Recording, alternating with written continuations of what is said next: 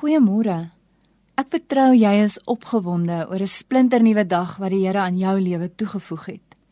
Is jy iemand wat in die Here bly glo, selfs al antwoord hy nie jou gebede soos jy gevra het nie? Die verhaal van Sadrag, Mesag en Abednego in die brandende oond is 'n gunsteling in die Bybel. Die agtergrond is dat koning Nebukadneser vir homself 'n enorme goue beeld maak waarvoor almal moet buig. Hy gaan so ver om die wat weier om voor die beeld te buig, te dreig met die dood. Die drie vriende weier om te buig.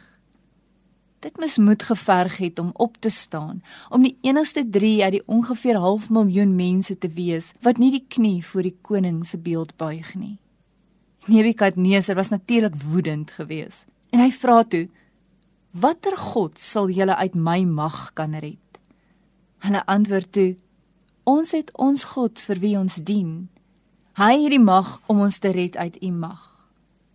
En dan sê hulle: Selfs as hy dit nie doen nie, moet u weet dat ons u God nie sal dien nie. Hulle was eintlik besig om hulle eie doodsertifikaat te teken.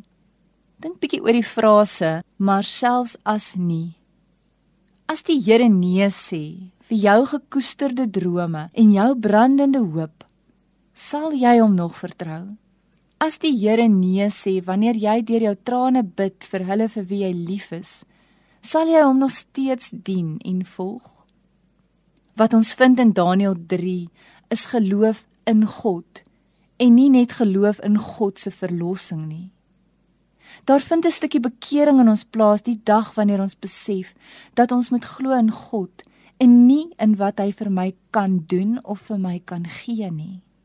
Hierdie drie het gesê, ons is seker van God. Ons is net nie seker wat hy gaan doen nie.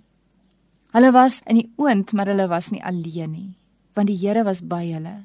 In hulle grootste oomblik van nood kom God en hy versterk hulle met sy persoonlike teenwoordigheid. Een ding is duidelik, as God nie sy diensknegte uit die vuur red nie, red hy hulle in die vuur. As die Here alomteenwoordig is, moet hy ook die God wees midde in jou en in my brandende vuuroond, watse vorm dit ook al mag aanneem. Siekte, werkloosheid, depressie, dood, eensaamheid. Sy blote teenwoordigheid maak geloof moontlik.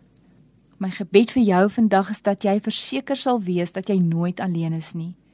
Selfs in jou brandende vuuroond is die Here by jou en versterk jou en hy gee jou nuwe krag.